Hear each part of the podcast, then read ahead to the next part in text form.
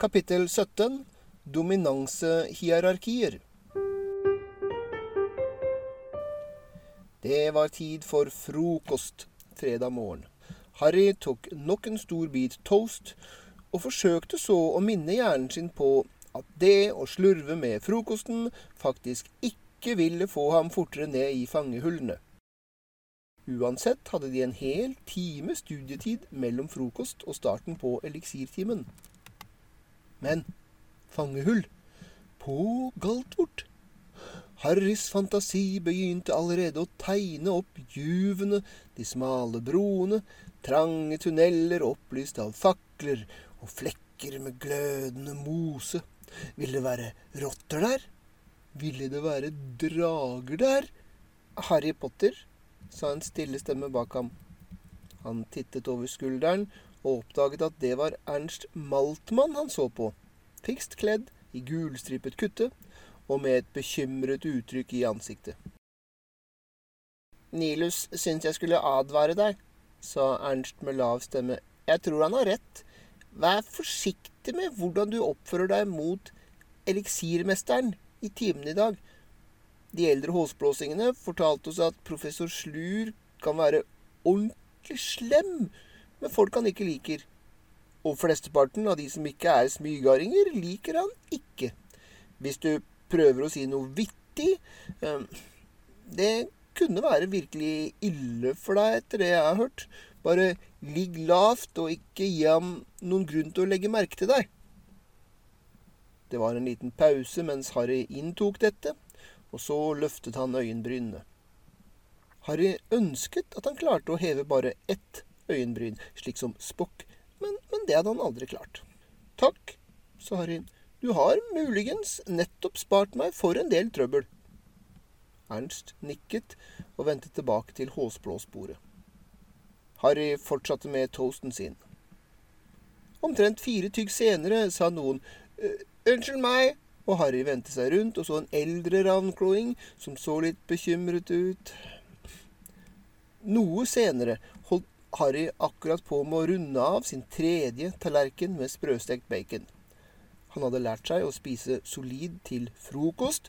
Han kunne alltids spise en lett lunsj senere hvis han ikke endte opp med å bruke tidsvenneren. Og nok en stemme kom bakfra. 'Harry?' 'Ja', sa Harry mer anstrengt nå. 'Jeg skal forsøke å ikke tiltrekke meg professor Slurs oppmerksomhet.' 'Å, det det er håpløst', sa Fred. Fullstendig håpløst, sa Frank. Så vi har fått husnissene til å bake en kake til deg, sa Fred. Vi har tenkt til å putte et lys på den for hvert poeng du mister for Ravnklo, sa Frank.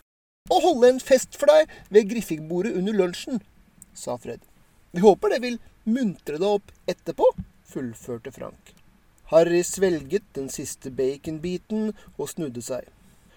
Ålreit, sa Harry. Jeg hadde ikke tenkt å spørre om dette etter professor Kiste. Jeg hadde faktisk ikke det.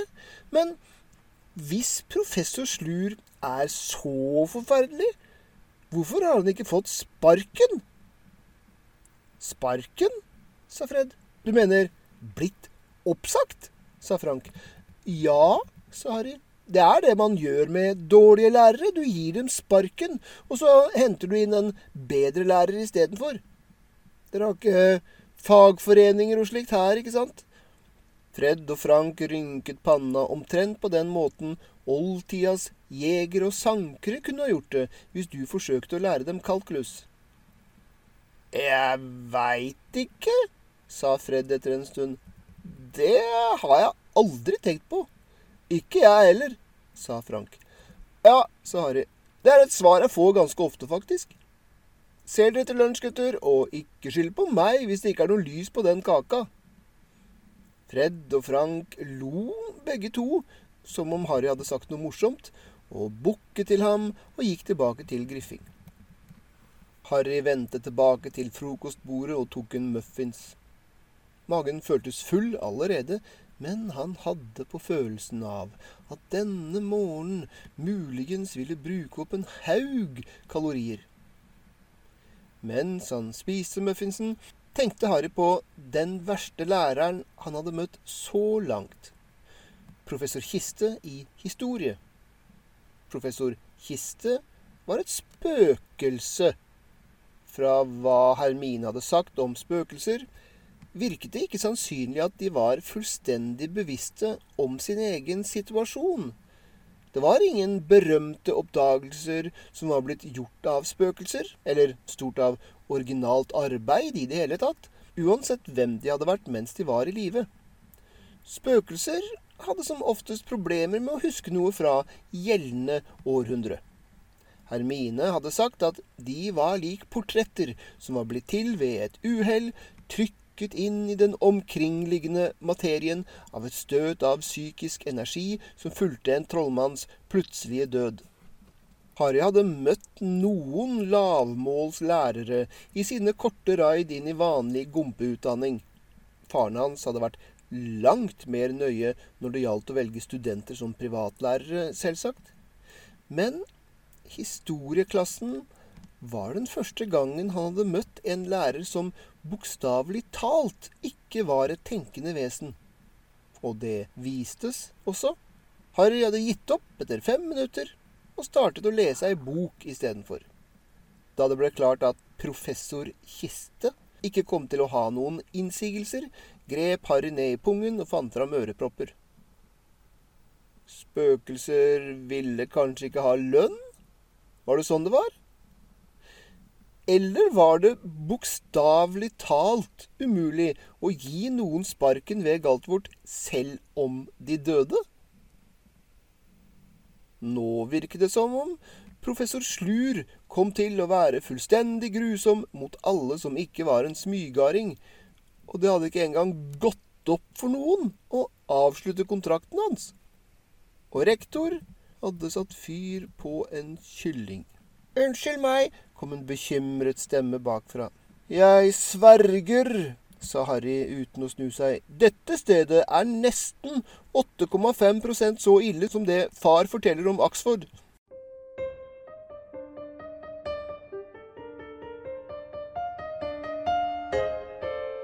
Harry trampet ned steinkorridorene og så fornærmet, irritert og rasende ut på en gang.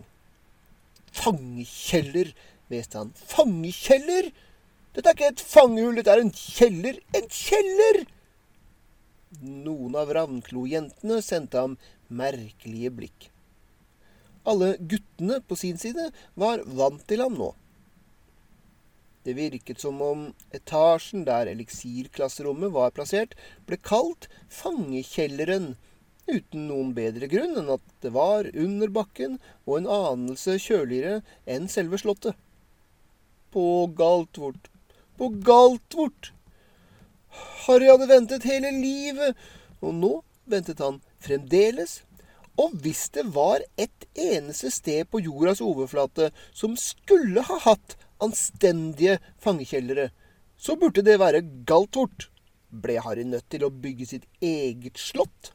Hvis han skulle få se en eneste liten bunnløs avgrunn? Kort tid senere kom de til selve eliksirklasserommet, og Harry ble brått mye lysere til sinns. Eliksirklasserommet hadde merkelige preserverte vesener som fløt rundt i store krukker på hyller som dekket hver centimeter veggplass mellom skapene. Harry hadde kommet tilstrekkelig langt i sin lesing til at han faktisk klarte å identifisere noen av vesenene, slik som den sabriskianske fontemaen. Og skjønt den 50 cm lange edderkoppen lignet på en akromantula, var den for liten til å være en. Han hadde prøvd å spørre Hermine, men hun hadde ikke virket interessert i å se på noe som helst i den retningen Harry pekte. Harry tittet på en stor støvball med øyne og føtter da snikmorderen gjorde sin entré i rommet. Det var den første tanken Harry fikk da han så professor Severus Slur. Det var noe stille og dødelig ved den måten mannen smøg seg mellom barnas pulter. Kappen hans var ustelt, håret flekkete og fettet. Det var noe ved ham som minnet om Lucifus, skjønt de to lignet slett ikke på hverandre. Og du fikk det inntrykket at der Lucifus ville drepe deg med plettfri eleganse, ville denne mannen bare drepe deg. Sitt ned, sa professor Severus Slur. Nå. Harry og et par andre barn som hadde stått her og der og snakket med hverandre, satte kursen for pulkene sine. Harry hadde planlagt å sitte ved siden av Hermine, men fant plutselig ut at han hadde satt seg ned ved siden av Julius Finkenfjær. Det var en dobbeltklasse, Ravnklo og Håsblås, som medførte at han satt to pulter bortenfor Hermine.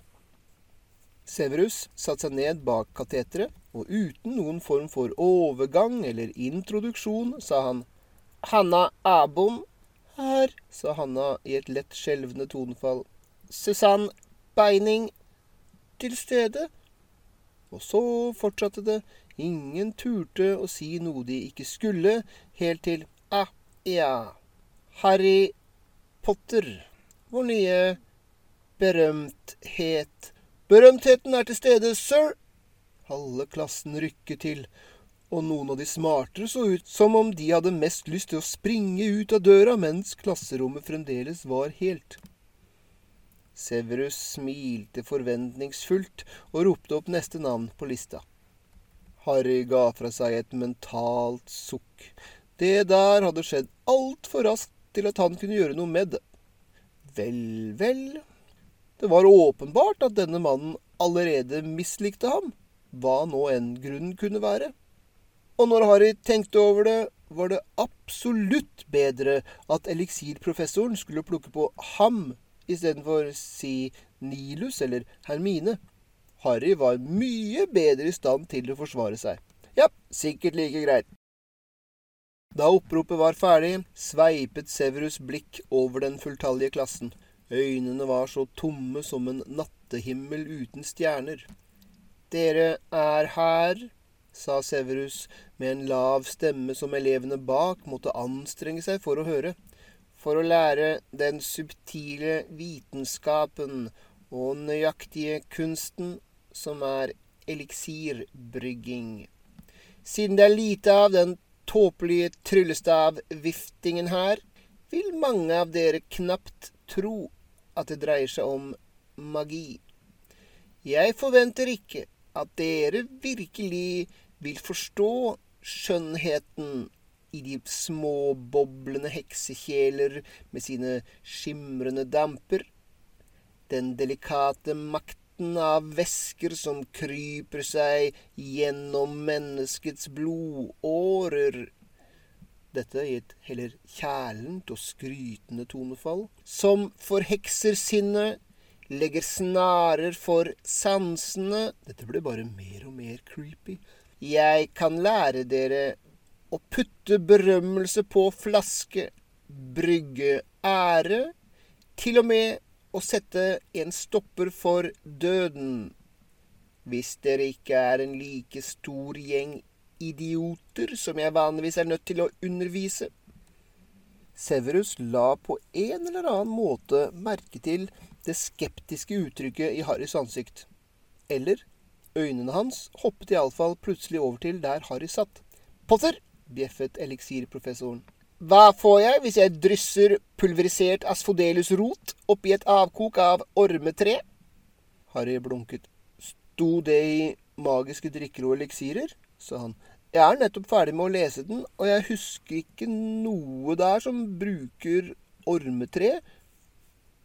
Hermines hånd for opp, og Harry sendte henne et blikk som fikk henne til å løfte hånda enda høyere.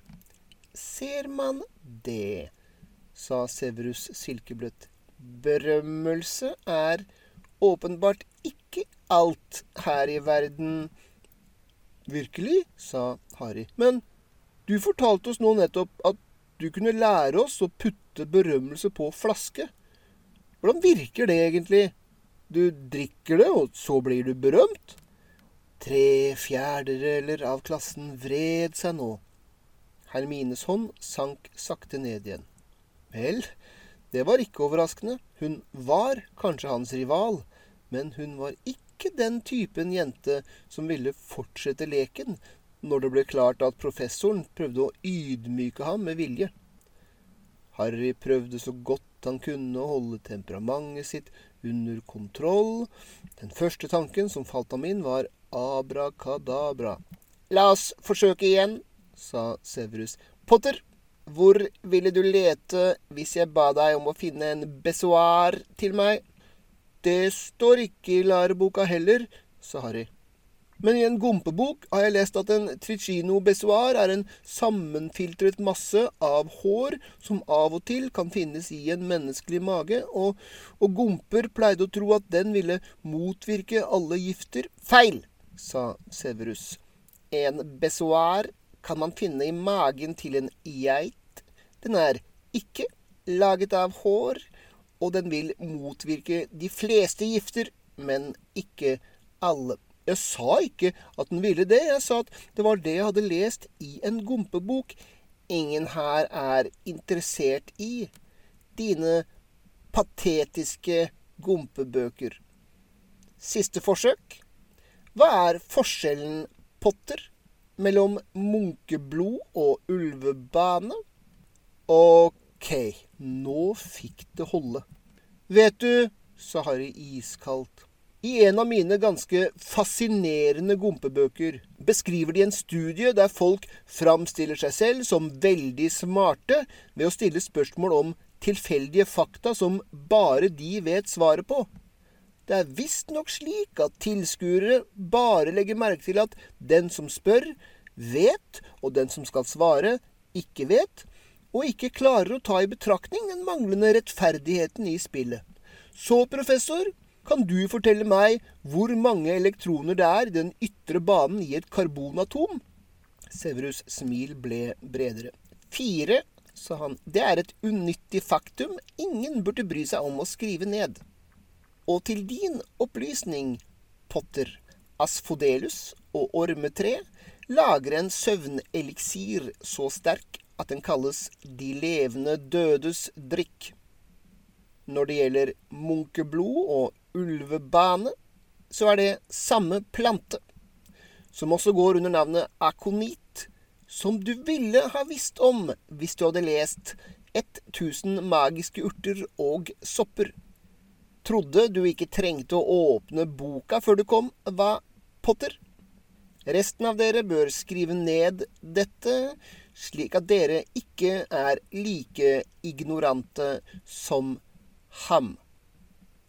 Severus tok en kort pause og så svært fornøyd ut med seg selv. Og det blir fem poeng? Nei, la oss runde opp til ti poeng fra Ravnklo for unødvendig småprat. Hermine gispet, i likhet med flere andre. Professor Severus Slur, beit Harry fram. Jeg veit ikke om noe jeg har gjort for å fortjene en slik fiendtlig innstilling. Hvis du har et problem med meg som jeg ikke vet noe om, foreslår jeg at vi Hold kjeft, Potter. Ti poeng til fra Ravnklo. Resten kan åpne boka på side tre. Det var bare en veldig lett, veldig fjern, brennende følelse bakerst i Harrys strupe, og ingen tegn til fuktighet i øynene. Hvis gråt ikke var en effektiv strategi for å ødelegge denne eliksirprofessoren, så var det heller ikke noe poeng i å gråte. Harry satte seg rett opp, svært sakte. Alt blodet hans lot til å ha blitt borte og erstattet med flytende nitrogen. Harry visste at han hadde prøvd å beherske temperamentet sitt, men han kunne ikke lenger helt komme på hvorfor. Harry, hvisket Hermine frenetisk to pulter bortenfor. Stopp, vær så snill, det er greit, vi teller ikke dette. Snakker i timen, Grang. Tre. Så, sa en stemme kaldere enn null grader kelvin. Hvordan går man fram for å levere en formell klage på en professor som begår overtramp mot elever? Snakker man med viserektor? Skriver man et brev til skolestyret? Kunne du være brydd med å forklare hvordan dette fungerer? Klassen satt som frosset til is. Gjensitting for en måned, Potter, sa Severus og smilte enda bredere. Jeg anerkjenner ikke din autoritet som lærer, og jeg vil ikke gjøre noen form for gjensitting som du beordrer. Folk stoppet å puste. Severus' smil forsvant. Så vil du bli Stemmen hans stoppet brått. Utvist, var du i ferd med å si? Harry, på den annen side, smilte nå et tynt smil. Men så virker det som om du tvilte på din autoritet til å sette denne trusselen ut i livet, eller fryktet for konsekvensene hvis du gjorde det. Jeg, på min side, føler verken tvil eller frykt ved å finne en skole med lærere som oppfører seg mer høvelig. Eller kanskje jeg skulle betale privatlærere, slik jeg har for vane, og få undervisning som er bedre tilpasset meg? Jeg har tilstrekkelig med penger i hvelvet mitt. Et eller annet med prispenger for en mørk fyrste jeg overvant. Men det er lærere ved Galtvort som jeg liker ganske godt, så jeg tror det vil være enklere om jeg finner ut en måte å bli kvitt deg på istedenfor. Bli kvitt meg? sa Severus, også han nå med et tynt smil. Det var da en artig tanke.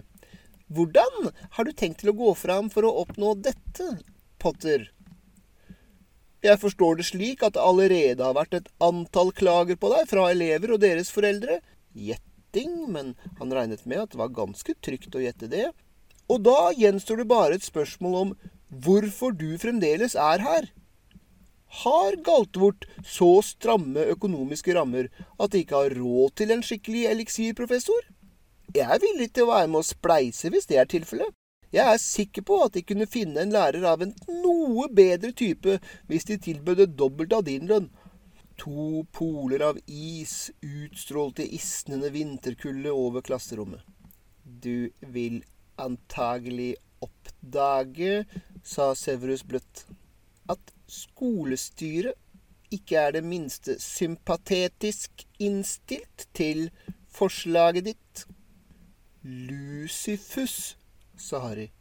Det er derfor du fremdeles er her. Kanskje jeg skulle ta en prat med Lucifus om det. Jeg har forstått det slik at han ønsker å møte meg. Jeg lurer på om jeg har noe han ønsker. Hermine ristet panisk på hodet. Harry la merke til det i øyekroken, men hele hans oppmerksomhet var rettet mot Severus. Du er en svært dum guttunge, sa Severus. Han smilte ikke i det hele tatt lenger. Du har ingenting Lucifus vil sette høyere enn mitt vennskap. Og om du hadde, så har jeg andre allierte. Og stemmen hans ble hardere. Og jeg finner det mer og mer usannsynlig at du ikke ble valgt inn i Smygar. Hvordan klarte du å unngå å havne i mitt hus? Ja, fordi valghatten påsto at den spøkte. For første gang i historien. Hva var det det handlet om, denne småsnakkingen du hadde med hatten, Potter? Hadde du noe den ville ha? Harry stirret inn i Severus' kalde øyne og husket så at valghatten hadde advart ham mot å møte noens øyne mens han tenkte på han lot blikket falle ned på kateteret istedenfor. Du virker merkelig motvillig mot å se meg i øynene, Potter. Et sjokk av plutselig forståelse. Så det var deg valghatten advarte meg mot? Hva? sa Severus' stemme, og hørtes ekte overrasket ut, selv om Harry naturligvis ikke så ansiktet hans. Harry reiste seg fra pulten sin. Sitt ned, Potter! Sa en sint stemme fra et sted han ikke så mot. Harry ignorerte det og så seg om i klasserommet. Jeg har ingen planer om å la en uprofesjonell lærer ødelegge mitt opphold ved Galtvort, sa Harry med dødelig kjølighet. Jeg tror jeg takker for meg i denne klassen, og enten skaffe meg en privatlærer som kan lære meg om eliksirer, eller, hvis skolestyret virkelig er så vrange, bruke sommeren til å studere. Hvis noen av dere bestemmer dere for at dere ikke har lyst til å bli bøllet med av denne mannen, så vil mine timer være åpne for dere. Sitt ned, Potter!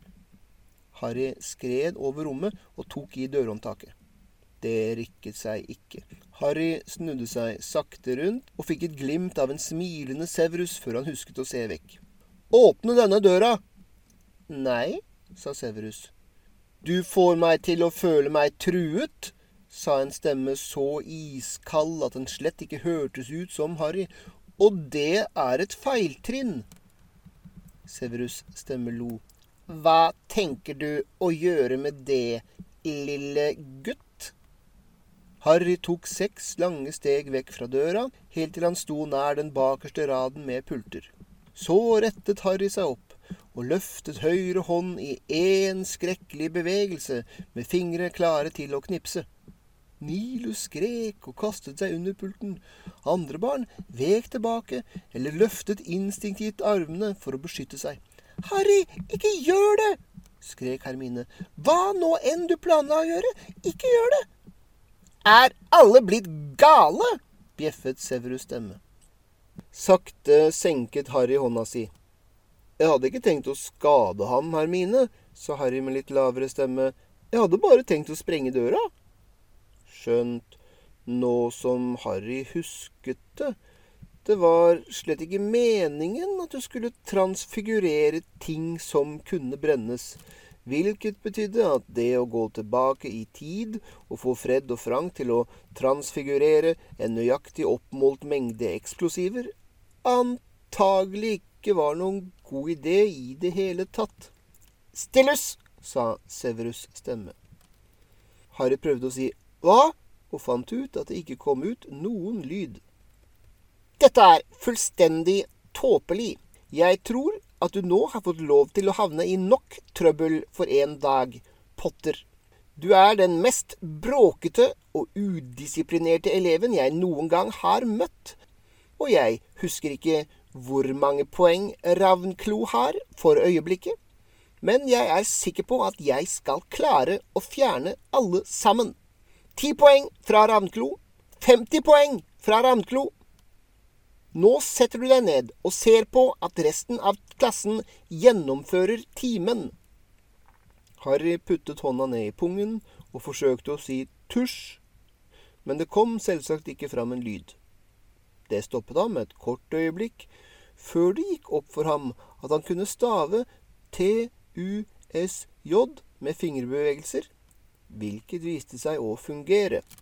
B-L-O-K-K, og der hadde han en skriveblokk. Harry skred over til en tom pult, ikke der han hadde sittet opprinnelig, og skrev ned en kort melding. Han rev av det arket, puttet tusjen og blokka i en lomme for enklere tilgang, og holdt opp meldingen sin, ikke til Slur, men til resten av klassen. Jeg stikker er det noen flere som trenger å komme seg ut? Du er sinnssyk, Potter, sa Severus med kald forakt. Utenom det var det ingen som snakket. Harry bukket ironisk mot lærerens kateter, gikk bort til veggen, rev opp en skapdør, gikk inn og slamret døra igjen etter seg. Det var den dempede lyden av noen som knipset, og så ingenting. I klasserommet så elevene på hverandre i forundring og frykt. Eliksirmesterens ansikt var nå fullstendig forvridd av raseri. Han krysset rommet i fryktelige skritt og rev opp skapdøra. Skapet var tomt.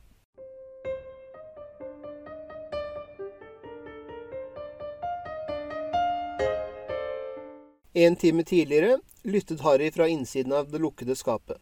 Det var ingen lyd utenfra, og heller ikke noe poeng i å ta sjanser.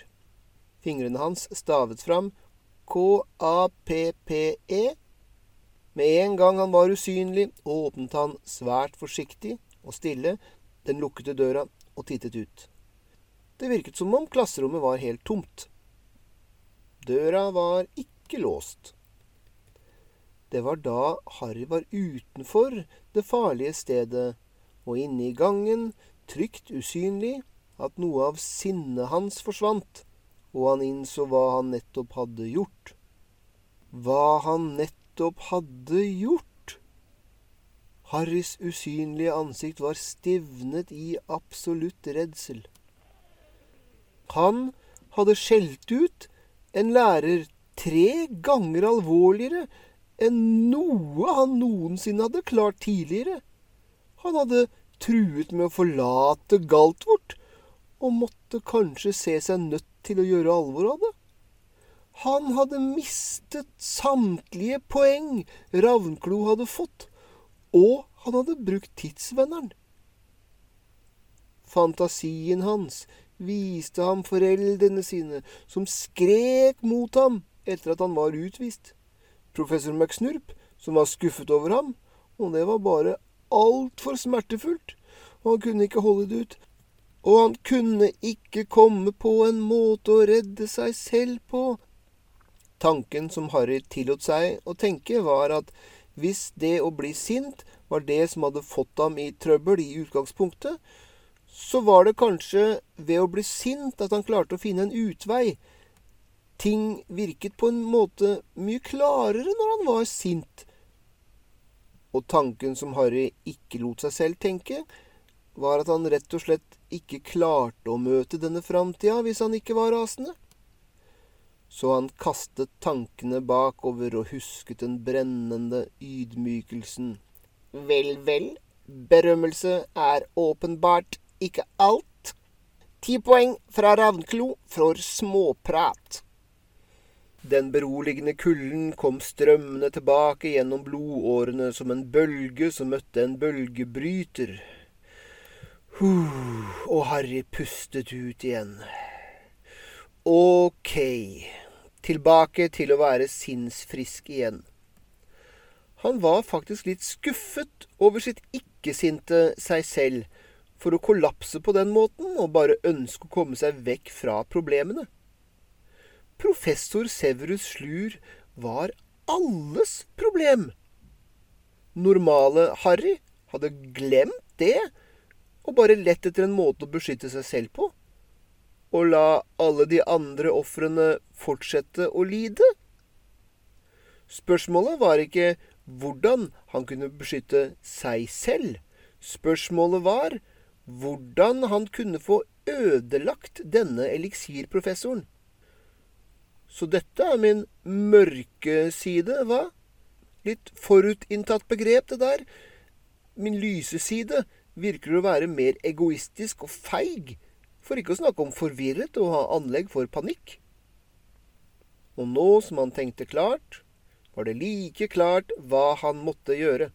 Han hadde allerede gitt seg selv en ekstra time til forberedelser, og han kunne få opptil fem timer til hvis nødvendig.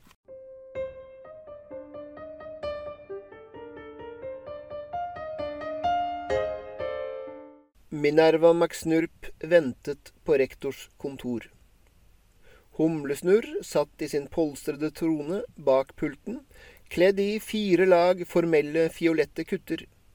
Minerva satt i en stol foran ham, bortenfor Severus i en annen stol. Foran alle tre var en tom trestol. De ventet på Harry Potter. Harry, tenkte Minerva fortvilet. Du lovet at du ikke ville bite en lærer. Og inne i seg kunne hun svært tydelig høre reaksjonen, Harrys sinte fjes og hans forbitrede svar, jeg sa jeg ikke ville bite noen som ikke beit meg først. Det banket på døra. Kom inn, svarte Humlesnurr. Døra gled åpen, og Harry steg inn. Minerva gispet nesten høyt. Gutten virket kjølig, fattet og med fullstendig selvkontroll. God morgen, Harry stoppet brått. Kjeven sank. Minerva sporet Harrys blikk, og hun så at Harry stirret på Vulkan, der føniksen satt på sin gylne pinne. Vulkan blafret med sine lyse, rødgylne vinger lik en flakkende flamme, og bukket avmålt mot gutten. Harry snudde seg for å stirre på Humlesnurr. Humlesnurr blunket til ham. Minerva følte at det var noe hun gikk glipp av.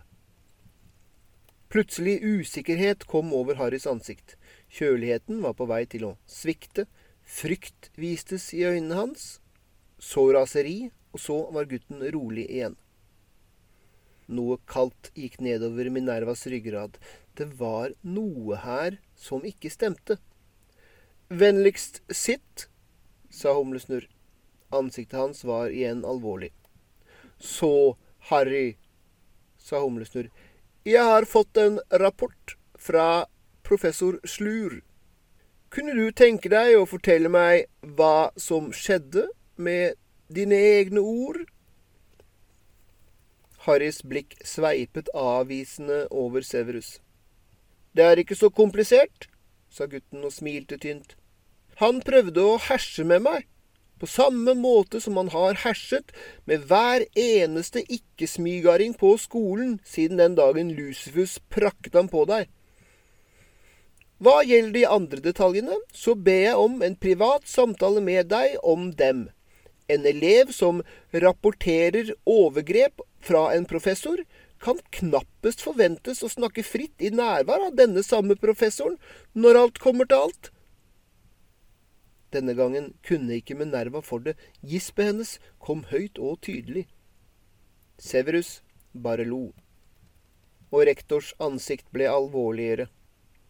Herr Potter, sa rektor, en snakker ikke om en professor ved Galtvort på denne måten. Jeg føler at du har misforstått et viktig poeng her. Professor Severus Slur har min dypeste tillit og tjener ved Galtvort på min forespørsel, ikke Lucifus Malfangs. Det var et par stille øyeblikk. Da gutten snakket igjen, var stemmen hans iskald. Er det noe jeg har gått glipp av her? En hel rekke ting, herr Potter, sa rektor. Du bør forstå, først og fremst, at hensikten med dette møtet er å diskutere hvilken disiplinær straff du skal ilegges etter denne morgenens hendelser. Denne mannen har terrorisert skolen din i årevis. Jeg har snakket med elever og samlet sammen nok historier til å få i stand en aviskampanje for å få foreldrene til å reise seg mot ham. Noen av de yngre elevene gråt da de fortalte meg om sine opplevelser. Jeg gråt nesten da jeg hørte dem. Du har latt denne mobberen få ha fritt spillerom. Du har gjort dette mot dine elever. Hvorfor? Minerva svelget en klump i halsen. Hun hadde tenkt samme tanke av og til, men av en eller annen grunn hadde hun aldri Herr Potter sa rektor nå med bestemt stemme. Dette møtet handler ikke om professor Slur. Det handler om deg og din manglende respekt for skoledisiplin. Professor Slur har foreslått, og jeg har sagt meg enig i, at tre hele måneders gjensitting vil være passende avslått, sa Harry iskaldt. Minerva var målløs. Dette er ikke en forespørsel, herr Potter, sa rektor. Den fulle, samlede kraften i trollmannens blikk var nå vendt mot gutten. Dette er din straff. Du vil forklare meg hvorfor du har latt denne mannen få lov til å begå psykiske overgrep gang etter gang mot barn som er plassert i din varetekt. Og hvis din forklaring ikke er tilstrekkelig, vil jeg starte en aviskampanje med deg som mål. Minervas kropp svaiet av kraften i det slaget ved den rene, rå majestetsfornærmelsen. Selv Severus så sjokkert ut. Det, Harry, ville være ekstremt uklokt, sa Humlesnurr sakte. Jeg er hovedbrikken som står mot Lucifus på spillbrettet. Ved å gjøre noe slikt ville du styrke hans posisjon i meget stor grad. Og jeg trodde ikke helt det var den siden du hadde valgt. Gutten var stille lenge. Denne konversasjonen begynner å bli privat, sa Harry. Hånda hans viftet i Severus' retning. Send ham bort. Humlesnurr ristet på hodet. Harry, fortalte jeg deg ikke at Severus Slur har min fulle fortrolighet? Guttens ansikt viste hvor sjokkert han var. Denne mannens grenseløse hersing gjør deg sårbar. Jeg er ikke den eneste som kunne starte en aviskampanje mot deg. Dette er sinnssvakt. Hvorfor gjør du noe slikt? Humlesnurr sukket. Beklager, Harry. Det har å gjøre med ting som du ikke ennå er klar for å høre. Gutten stirret på Humlesnurr. Så vendte han seg for å se på Severus, så tilbake til Humlesnurr igjen. Det er sinnssvakt, sa gutten sakte. Du har ikke lagt bånd på ham fordi du mener det er en del av mønsteret. At Galtvort trenger en ond eliksirmester for å være en ordentlig magisk skole, akkurat som den trenger et spøkelse til å undervise i historie. Det høres ut som den typen ting jeg ø, ville gjøre, ikke sant? sa Humlesnurr smilende. Uakseptabelt, sa Harry flatt. Blikket hans var nå kaldt og mørkt. Jeg vil ikke tolerere hersing og misbruk. Jeg har vurdert flere måter å hanskes med dette problemet på, men jeg vil gjøre det enkelt. Enten forsvinner denne mannen, eller så forsvinner jeg. Minerva gispet igjen. Noe merkelig blinket i Severus' øyne. Nå ble også Humlesnurrs blikk kjøligere. Utvisning, herr Potter, er den endelige trussel som kan brukes mot en elev. Det er ikke vanligvis brukt som en trussel fra elever mot rektor. Dette er den beste magiske skolen i hele verden, og en utdannelse her er ikke en mulighet som gis til alle.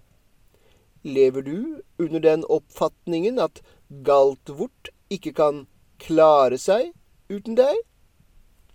Og Harry satt fremdeles der med et tynt smil. Minerva innså plutselig noe og ble skrekkslagen. Harry ville da virkelig ikke Du glemmer, sa Harry, at du ikke er den eneste som kan se mønsteret. Dette blir privat. Nå, send ham! Harry viftet med en hånd mot Severus igjen, og stoppet så, midt i setningen og håndbevegelsen. Minerva kunne se det på Harrys ansikt det øyeblikket han kom på det. Hun hadde fortalt ham det når alt kom til alt. Herr Potter, sa rektor, jeg gjentar, Severus Slur har min fulle fortrolighet. Du fortalte ham det, hvisket gutten. Din tåpe! Humlesnurr reagerte ikke på fornærmelsen, fortalte ham hva? At mørkets herre er i live. Hva i Merlins navn er det du prater om, Potter? ropte Severus ut i en tone av ren forbløffelse og opphisselse. Harry tittet lett på ham og smilte barskt. Å, så vi er en smygarding allikevel, da, sa Harry. Jeg begynte å lure litt. Og så var det stillhet. Til sist snakket Humlesnurr. Stemmen hans var mild. Harry, hva er det du prater om? Beklager, Albus, hvisket Minerva. Severus og Humlesnurr vendte seg for å se på henne. Professor McSnurr fortalte det ikke til meg, sa Harrys stemme raskt og mindre rolig enn den hadde vært. Jeg gjettet det. Som jeg sa, jeg kan også se mønsteret. Jeg gjettet, og hun kontrollerte sin reaksjon akkurat slik Severus gjorde. Men hennes kontroll var en tanke mindre enn perfekt, og jeg kunne se at det var kontrollert og ikke ekte, og jeg fortalte ham sa Minerva med en stemme som skalv litt, at du og jeg og Severus var de eneste som visste det. Hvilket hun gjorde som en innrømmelse for å forhindre meg i å rett og slett gå rundt og spørre spørsmål, som jeg truet med å gjøre hvis hun ikke fortalte noe, sa Harry. Gutten smålo. Jeg burde definitivt fått en av dere på tomannshånd og fortalt dere at hun hadde fortalt meg alt, for å se om noen av dere kom til å røpe noe. Ville sannsynligvis ikke virket, men ville være verdt et forsøk. Gutten smilte igjen. Trusselen er fremdeles gyldig, og jeg forventer å få en full redegjørelse før eller siden. Severus ga henne et blikk fullt av forakt. Minerva løftet haken og tok det imot. Hun visste det var fortjent. Humlesnurr lente seg tilbake i sin polstrede trone. Øynene hans var så kalde som noe Minerva hadde sett fra ham siden den dagen hans bror døde. Og du truer med å forlate oss alene mot Voldemort hvis vi ikke går med på dine ønsker. Harrys stemme var skarpt som et barberblad. Jeg beklager å informere deg om at du ikke er universets midtpunkt. Jeg truer ikke med å la det magiske Storbritannia klare seg på egen hånd. Jeg truer med å la deg klare deg på egen hånd. Jeg er ikke noen ydmyk liten Frodo. Dette er mitt eventyr, og hvis du vil være med, så får du følge mine regler. Humlesnurrs ansikt var fremdeles kaldt. Jeg begynner å tvile på om du egner deg som helt, herr Potter. Blikket Harry svarte med, var like kaldt. Jeg begynner å tvile på om du egner deg som min Gandalf, herr Humlesnurr. Boromir var i det minste en plausibel feiltagelse. Hva gjør denne nasgulen i mitt brorskap? Minerva skjønte ingenting av denne passiaren. Hun tittet bort på Severus for å se om han klarte å følge med, og hun så at Severus hadde snudd seg bort fra Harrys synsfelt eh, og smilte. Jeg antar, sa Humlesnurr sakte, at fra ditt perspektiv eh, er dette et fornuftig spørsmål. Så, herr Potter, hvis professor Slur lar deg få være i fred heretter, så vil dette være den siste gangen dette spørsmålet kommer på banen. Eller vil jeg finne deg her hver uke med et nytt krav? La meg være i fred! Harrys stemme var sint. Jeg er ikke hans eneste offer, og definitivt ikke den mest sårbare. Har du glemt hvor forsvarsløse barn er? Hvor vondt de får? Heretter skal Severus behandle hver eneste elev ved Galtvort med en passende og profesjonell høflighet. Eller du finner en annen eliksirmester. Eller så får du finne deg en ny helt. Humlesnurr begynte å le. Helhjertet, varm, humørfylt latter. Som om Harry nettopp hadde utført en komisk dans foran ham. Minerva vågde ikke bevege seg. Øynene hennes flakket, og hun så at Severus også satt helt ubevegelig. Harry så enda kaldere ut. Du har misforstått, rektor, hvis du tror dette er en spøk. Dette er ingen forespørsel, dette er din straff. Herr Potter, sa Minerva.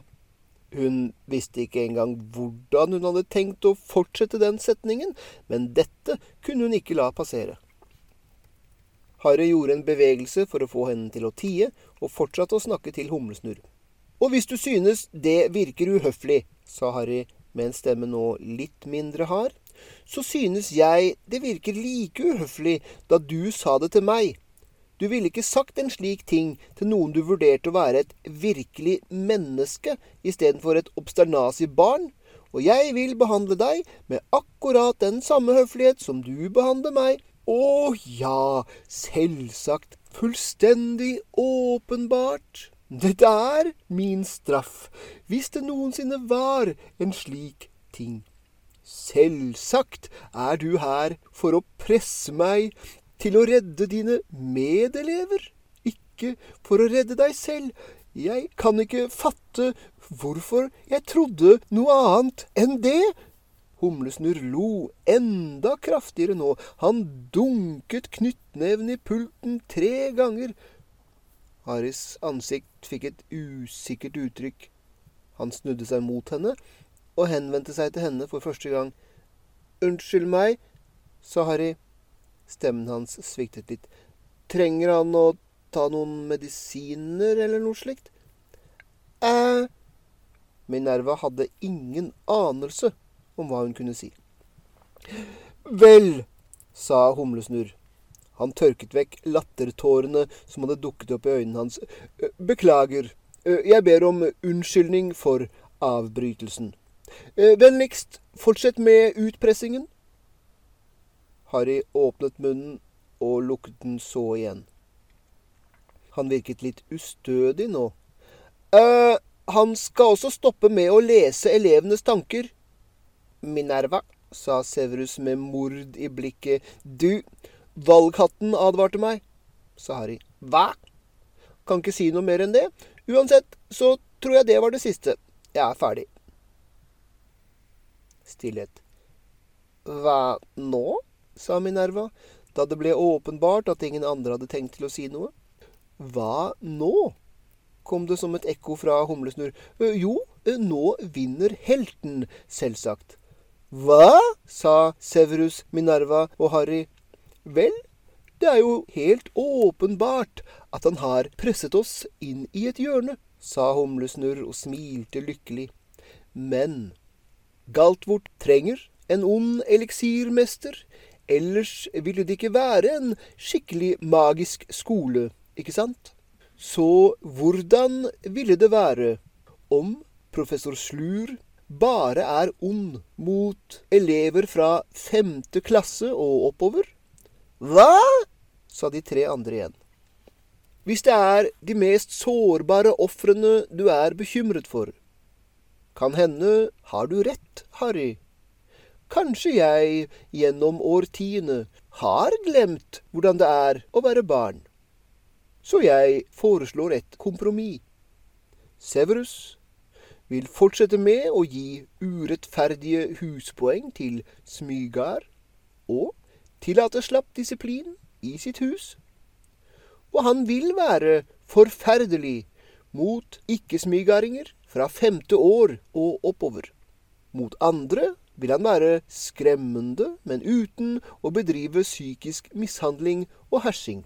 Han vil love å bare lese elevenes tanker når en elevs sikkerhet krever det. Galtvort vil ha sin onde eliksirmester, og de mest sårbare ofrene, som du sier, vil være trygge. Minerva McSnurp var mer sjokkert enn hun hadde vært i hele sitt liv. Hun tittet usikkert på Severus, hvis ansikt var fullstendig nøytralt, som om han ikke kunne bestemme seg for hva slags ansiktsuttrykk han burde ha. Jeg antar at det er akseptabelt, sa Harry. Stemmen hans hørtes litt rar ut. Du kan ikke mene dette, sa Severus med en stemme like uttrykksløs som ansiktet. Jeg synes det er en meget god idé, sa Minerva sakte. Hun syntes det var slik en strålende idé at hjertet hennes hamret vilt under kutten hennes. Men hva kan vi fortelle elevene? Det er ikke sikkert at de ville satt spørsmålstegn ved dette, mens Severus var ond mot alle, men Harry kan si til de andre elevene at han fant ut en forferdelig hemmelighet om Severus og har bedrevet utpressing, sa Humlesnurr. Det er sant når alt kommer til alt. Han fant ut at Severus leste tanker, og han har presset oss. Dette er galskap! eksploderte Severus. Ohohohoho! sa Humlesnurr. øh, sa Harry usikkert. Og hvis noen spør meg hvorfor femteklassingene og oppover ble utelatt, Jeg vil ikke klandre dem om de var irriterte, og den delen var ikke akkurat min idé. Si til dem, sa Humlesnurr, at det ikke var du som foreslo dette kompromisset. At det var det beste du kunne få til. Og så kan du nekte å si noe mer om saken. Dette er også sannheten. Det er en viss kunst, eh, dette her. Du får nok taket på det med litt mer øvelse. Harry nikket sakte. Og poengene han tok fra Ravnklo, de må ikke gis tilbake. Det var Minerva som sa det. Harry så på henne. Jeg beklager, herr Potter, sa hun. Hun var lei seg for det, men det måtte gjøres. Det må bli noen konsekvenser etter din oppførsel, ellers vil denne skolen falle sammen. Harry trakk på skuldrene. Godtatt, sa han flatt. Men i framtida vil ikke Severus angripe mine medravnkloinger ved å ta poeng fra meg, og heller ikke vil han kaste bort min verdifulle tid med gjensittinger. Om han skulle føle at min oppførsel krever korreksjoner, kan han kommunisere sine bekymringer til professor McSnurp. Harry, sa Minerva, vil du fortsette å underkaste deg skoledisiplinen? Eller vil du være hevet over loven fra nå av, slik Severus var? Harry så på henne. Noe varmt kom i blikket hans, kort før det ble borte. Jeg vil fortsette å være en vanlig elev mot alle medlemmer av lærerstaben, som ikke er sinnssyke eller onde, så lenge de ikke blir presset av andre som er det. Harry tittet kort bort på Severus og vendte seg så mot Humlesnurr igjen. La Minerva i fred, og jeg vil være en vanlig galtvort-elev i hennes nærvær. Ingen spesielle privilegier eller immuniteter. Vakkert, sa Humlesnurr oppriktig. Snakket som en sann helt. Og, sa hun, herr Potter må offentlig be om unnskyldning for sine handlinger i dag. Harry ga henne enda et blikk. Dette var en tanke skeptisk. Skolens disiplin har tatt alvorlig skade av dine handlinger, herr Potter, sa Minerva. Den må gjenopprettes. Etter min mening, professor McSnurp, så overvurderer du kraftig viktigheten av det du kaller skoledisiplin, sett i forhold til å ha en historielærer som lever, eller å ikke torturere elevene dine. Det å opprettholde det gjeldende statushierarkiet og tvinge gjennom dets regler virker mye mer klokt og moralsk og viktig når du er på toppen og er den som tvinger igjennom, enn når du er på bunnen. Og jeg kan sitere flere studier rundt dette emnet dersom det behøves. Jeg kunne snakke om dette poenget i timevis, men eh, denne korte kommentaren får holde. Minerva ristet på hodet. Herr Potter, du undervurderer viktigheten av disiplin fordi du ikke trenger den selv. Hun stoppet opp. Det hadde ikke kommet riktig ut. Og Severus, Humlesnurr og til og med Harry ga henne merkelige blikk. Eh, for å lære, mener jeg. Ikke alle barn klarer å lære i fravær av autoritet. Og det er disse andre barna som vil ta skade, herr Potter, hvis de ser på din oppførsel som et eksempel til etterfølgelse. Harrys lepper bøyde seg i et forvridd smil. Det vi tyr til, både først og sist, er sannheten. Sannheten er at jeg ikke skulle ha blitt sint. Jeg skulle ikke ha forstyrret klassen. Jeg skulle ikke ha gjort det jeg gjorde. Og jeg var et dårlig eksempel for alle. Sannheten er også at Severus Slur oppførte seg på en måte som er upassende for en professor ved Galtvort, og at han fra nå av vil tenke mer på følelsene til elever i fjerde år og under. Vi kunne begge to reise oss og si sannheten, det kunne jeg leve med. Det kan du drømme om, Potter, hveste Severus. Når alt kommer til alt, sa Harry med et bistert smil, hvis elevene ser at reglene gjelder for alle, for lærere også, ikke bare for stakkars hjelpeløse elever som bare får lidelse ut av systemet, ja, så ville jo den positive effekten på skoledisiplinen være overveldende. Det var en kort pause, og så humret Humlesnurr. Minerva tenker at du har mer rett enn du burde ha lov til å ha. Harrys blikk rev seg vekk fra Humlesnurr og vendte seg ned mot gulvet. Leser du tankene hennes? Folk forveksler ofte tankelesing og sunn fornuft, sa Humlesnurr. Jeg skal snakke om dette med Severus, og du vil ikke behøve å gi noen unnskyldning, med mindre han også gjør det. Og herved erklærer jeg at denne saken er ferdig, i det minste fram til lunsj. Han tok en kort pause. Skjønt, Harry, jeg er redd for at Minerva ønsket å snakke med deg om en sak til, og det er ikke et resultat av noe press fra min side. Minerva, om du vil? Minerva reiste seg fra stolen og falt nesten over. Det var for mye adrenalin i blodet hennes, hjertet dunket for raskt. Vulkan, sa Humlesnurr, følg henne, er du snill. Jeg trenger ikke, startet hun å si. Humlesnurr ga henne et blikk, og hun ble stille. Føniksen svevet gjennom rommet som en glatt, slikkende flammetunge og landet på skulderen hennes.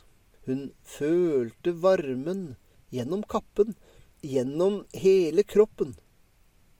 Vennligst følg meg, herr Potter, sa hun nå med fast stemme, og de forlot rommet. De sto i den roterende trappa og reiste nedover i stillhet. Minerva visste ikke hva hun skulle si. Hun kjente ikke denne personen som sto ved siden av henne i det hele tatt. Og Vulkan begynte å kurre. Det var ømt og mykt, slik et ildsted ville høres ut som dersom den hadde en melodi. Og lyden skylte inn over Minervas sinn, lettet opp, beroliget, myknet det den berørte. Hva er det? hvisket Harry ved siden av henne. Stemmen hans var ustabil, boblende, den brøt i toneleie. Føniksens sang, sa Minerva, uten helt å være bevisst på hva hun sa. Hele hennes oppmerksomhet var rettet mot denne merkelige, rolige musikken. Også den har helbredende kraft. Harry vendte hodet vekk fra henne, men hun fikk et glimt av noe pinefullt. Turen ned lot til å ta svært lang tid. Eller kanskje det bare virket som om musikken varte svært lenge. Og da de gikk gjennom åpningen der Gurgen hadde vært, holdt hun Harrys hånd fast i sin egen. Mens Gurgen flyttet seg tilbake på plass, forlot Vulkan skulderen hennes og svevde foran Harry. Hva skal jeg gjøre, Vulkan? hvisket Harry. Jeg kunne ikke ha beskyttet dem om jeg ikke var rasende. Føniksens vinger fortsatte å slå, fuglen fortsatte å sveve der de var. Det var ingen lyd foruten vingeslagene. Så var det et lysglimt, som en flamme som blusset opp og så forsvant, og Vulkan var borte. Begge blunket, som om de våknet fra en drøm, eller kanskje som om de falt i søvn igjen. Minerva så ned. Harry Potters åpne, unge ansikt så opp på henne. Er fønikser mennesker? sa Harry. Jeg mener, er, er de smarte nok til å telle som mennesker? Kunne jeg snakke med Vulkan hvis jeg visste hvordan? Minerva blunket kraftig. Så blunket hun igjen. Nei, sa Minerva med skjelving i stemmen. Fønikser er vesener av kraftig magi. Denne magien gir deres eksistens en meningstyngde som et enkelt dyr ikke har. De er ild, lys, helbredelse og gjenfødelse. Men når alt kommer til alt, så nei. Hvor kan jeg få tak i en? Minerva bøyde seg ned og ga ham en klem. Hun hadde ikke tenkt å gjøre det, det skjedde mest uten at hun hadde valgt det. Da hun reiste seg opp, syntes hun det var vanskelig å snakke. Men hun måtte spørre. Hva skjedde i dag, Harry? Jeg vet ikke svarene på noen av de viktige spørsmålene heller. Bortsett fra det vil jeg helst ikke tenke på det på en stund. Minerva tok hans hånd i sin igjen, og resten av veien gikk de i stillhet. Det var bare en kort tur, siden viserektors kontor naturligvis lå nær rektors. Minerva satte seg ned bak pulten. Harry satt foran pulten hennes. Så, hvisket Minerva. Hun ville gitt nesten hva som helst for å ikke gjøre dette eller å ikke være den som måtte gjøre det, eller for at tidspunktet hadde vært et annet. Det er et spørsmål om skoledisiplin. Den gjelder også deg. Spørsmål om hva da? Han visste det ikke. Han hadde ikke kommet fram til det ennå. Hun følte at halsen strammet seg. Men det var en jobb som måtte gjøres, og hun ville ikke vike unna. Herr Potter, sa professor McSnurp, jeg vil gjerne få se tidsvenneren din. All freden fra føniksen forsvant fra ansiktet hans på et øyeblikk, og Minerva følte det som om hun nettopp hadde stukket ham med en kniv. Nei, sa Harry med panikk i stemmen. Jeg trenger den. Jeg vil ikke være i stand til å være på Galtvort uten den. Jeg vil ikke kunne få sove. Du vil kunne få sove, sa hun. Departementet har levert den beskyttende kapselen for tidsvenneren din.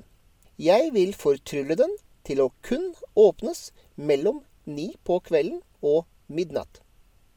Harrys ansikt vred seg. Men, men jeg Herr Potter, hvor mange ganger har du brukt tidsvenneren siden mandag? Hvor mange timer? Jeg Sorry. Eh, vent litt, la meg regne det ut. Han tittet ned på armbåndsuret. Minerva følte et stikk av tristhet. Det var det hun hadde tenkt. Så det var ikke bare to ganger per dag, nei. Jeg mistenker at hvis jeg spurte dine romkamerater, ville jeg finne ut at du hadde problemer med å holde deg våken lenge nok til å gå til sengs ved et fornuftig tidspunkt, og at du våkner tidligere og tidligere hver morgen. Korrekt? Harrys ansikt sa alt hun trengte å vite. Herr Potter, sa hun vennlig. Det finnes elever man ikke kan betro en tidsvenner til, fordi de blir avhengige av dem.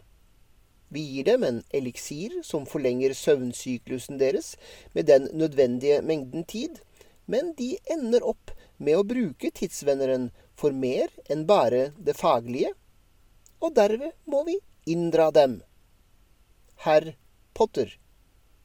Du har startet å se på tidsvenneren som din løsning på alle utfordringer. Ofte på en ganske ubetenksom måte. Du brukte den til å få tilbake en forglem meg, du forsvant fra skapet på en måte som var tydelig for andre elever, istedenfor å gå tilbake etterpå og få meg eller noen andre til å komme og åpne døra. Fra uttrykket på Harrys ansikt var det tydelig at dette var noe han ikke hadde tenkt på. Og hva som er viktigere, sa hun, er at du rett og slett skulle ha blitt sittende i professor Slurs time og sett på, og forlatt klasserommet da timen var over, slik du ville gjort dersom du ikke hadde hatt en tidsvenner. Det er noen elever som ikke kan betros tidsvennere, herr Potter. Du er en av dem. Jeg beklager. Men jeg trenger den, buste Harry ut. Hva hvis smygardinger truer meg og jeg må rømme unna? Den holder meg trygg. Hver eneste andre elev i Slottet risikerer nøyaktig det samme, og jeg kan forsikre deg om at de overlever. Ingen elev har mistet livet her på Slottet på 50 år. Herr Potter, du vil levere tilbake tidsvenneren, og du vil gjøre det nå. Harrys ansikt vred seg i fortvilelse, men han trakk fram tidsvenneren fra kappen sin og ga den til henne. Fra pulten sin hentet Minerva ut en av de beskyttende kapslene som hadde blitt sendt til Galtvort. Hun festet beskyttelsen på plass rundt tidsvennerens roterende timeglass, og så la hun tryllestaven over kapselen for å fullføre fortryllelsen. Dette er ikke rettferdig! skrek Harry. Jeg reddet halve Galtvort fra professor Slur i dag. Er det rett at jeg skal bli straffet for det? Jeg så uttrykket på ansiktet ditt. Du hatet det han holdt på med. Minerva svarte ikke de neste minuttene. Hun holdt på med formelen sin. Da hun var ferdig og tittet opp, visste hun at ansiktet hennes var strengt. Kanskje var det ikke riktig å gjøre dette. Og så, på den annen side, kanskje det var den riktige tingen. Det var et oppsetsig barn foran henne, og det betydde ikke i seg selv at universet var gått i stykker. Rettferdig, herr Potter! bjeffet hun. Jeg har måttet skrive to rapporter til Magidepartementet om offentlig bruk av en tidsvenner på to påfølgende dager. Vær ekstremt takknemlig for at du har fått lov til å beholde tidsvenneren i det hele tatt, selv i begrenset form. Rektor besøkte dem personlig via Flom-nettverket, og hvis du ikke hadde vært gutten som overlevde, hadde kanskje selv det ikke vært nok Harry gapte mot henne. Hun visste at han nå så professor McSnurps sinte ansikt. Harrys øyne ble fylt av tårer. Jeg beklager, hvisket han med halvkvalt og brutt stemme. Jeg er lei meg for at jeg har skuffet deg. Jeg beklager også, herr Potter, sa hun fast og ga ham den nyendrede tidsvenneren. Du kan gå. Harry snudde seg og flyktet fra kontoret hennes, hikstende. Hun hørte at føttene hans løp nedover gangen, og så ble lyden brutt idet døra svingte igjen. Jeg er også lei meg, Harry, hvisket hun til det stille rommet. Jeg er også lei meg.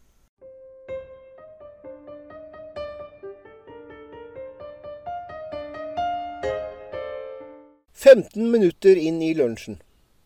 Ingen snakket med Harry.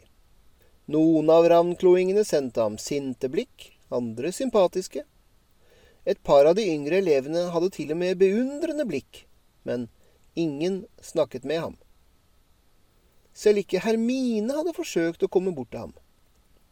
Fred og Frank hadde ivrig nærmet seg, de hadde ikke sagt noe. Tilbudet var tydelig, så også valgfriheten.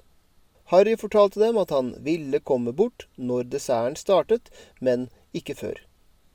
De hadde nikket og gått raskt bort. Sannsynligvis var det den fullstendige uttrykksløsheten i Harrys ansikt som gjorde det. De andre tenkte antagelig at han kontrollerte sinnet sitt eller skuffelsen. De visste, fordi de hadde sett at Pirrevimp kom og hentet ham, at han hadde blitt kalt til rektors kontor. Harry prøvde å ikke smile fordi hvis han smilte, ville han starte å le, og hvis han startet å le, ville han ikke klare å stoppe før hyggelige mennesker i hvite frakker kom for å føre ham bort. Det var rett og slett for mye. Altfor mye. Harry hadde nesten gått over til den mørke siden. Hans mørke side hadde gjort ting som ved tilbakeblikk virket sinnssykt. Hans mørke side hadde vunnet en umulig seier, som kanskje var ekte, og kanskje var en ren innskytelse fra en gal rektor. Hans mørke side hadde beskyttet vennene hans. Han hadde behov for å bruke tidsvenneren for å stikke av og få seg en times hvile i ro og fred, men den muligheten var borte og tapet var som et hull i hans eksistens. Men han kunne ikke tenke på det, fordi da begynte han kanskje å le. 20 minutter. Alle elevene som hadde tenkt til å spise lunsj, hadde ankommet. Nesten ingen hadde gått. Tappingen av en skje mot glass klang gjennom den store hallen. Om jeg kan få deres oppmerksomhet, takk, sa Humlesnurr. Harry Potter har noe han ønsker å dele med oss. Harry pustet dypt og reiste seg. Han gikk over mot lærebordet med alles øyne rettet mot seg. Harry snudde seg og så ut mot de fire langbordene. Det ble vanskeligere og vanskeligere å ikke smile, men Harry klarte å holde ansiktet uttrykksløst mens han sa fram sin korte, innøvde tale. Sannheten er hellig, sa Harry tonløst. En av de eiendelene jeg verdsetter høyest, er et jakkemerke som sier Si sannheten selv om din stemme skjelver. Og dette altså er sannheten. Husk det. Jeg sier ikke dette fordi jeg er tvunget til å si det, jeg sier det fordi det er sant. Det jeg gjorde i professor Slurs time, var dumt, idiotisk, barnslig og et brudd på Galtvorts regler som ikke kan unnskyldes. Jeg forstyrret freden i klasserommet og tok læretid fra mine medelever. Alt fordi jeg ikke klarte å styre temperamentet mitt. Jeg håper at ikke en eneste av dere vil følge mitt eksempel. Jeg vil definitivt prøve hardt å ikke følge dette eksempelet selv i framtida. Mange av elevene som nå så på Harry, hadde alvorlige, ulykkelige uttrykk i ansiktene, slik en kunne se ved en seremoni som markerer tapet av en fallen forkjemper.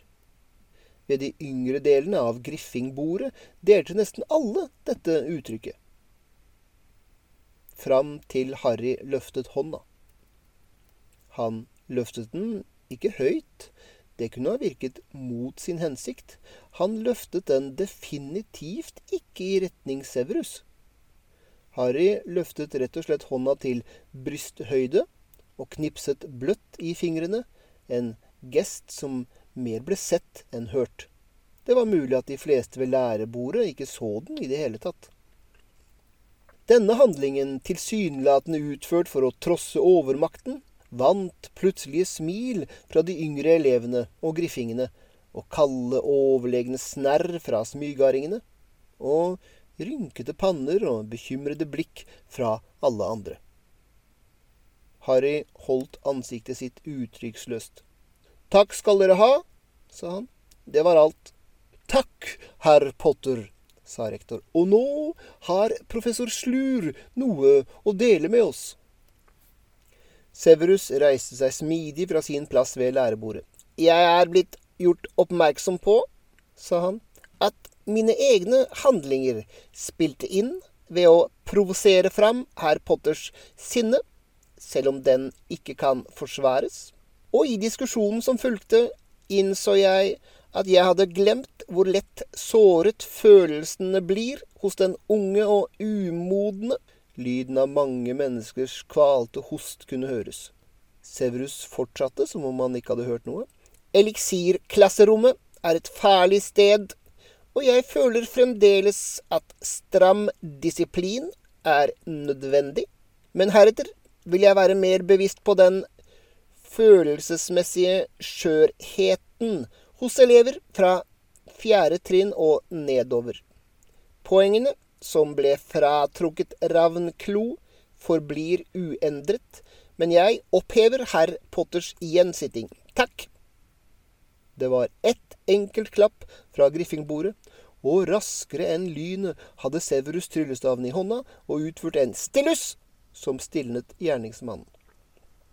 Jeg vil fremdeles forlange disiplin og respekt i samtlige klasser, sa Severus iskaldt, og den som forsøker seg på noe, vil få angre det. Han satte seg ned. Takk til deg også, sa rektor Humlestur blidt. Fortsett der dere slapp. Og Harry, fremdeles med fullstendig nøytralt ansikt, begynte å gå tilbake til plassen i Ravnklo. En plutselig eksplosjon av konversasjon. To ord kunne klart identifiseres i starten.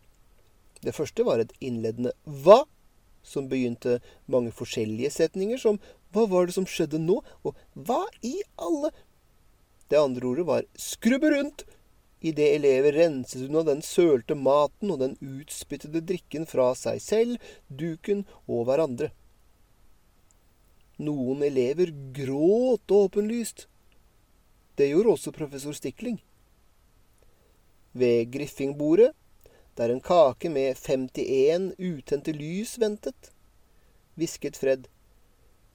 Jeg tror ikke vi stiller i samme klasse her, Frank. Og fra den dagen, uansett hva Hermine forsøkte å fortelle folk, var det en akseptert legende ved Galtvort at Harry Potter kunne få absolutt hva som helst til å skje ved å knipse i fingrene.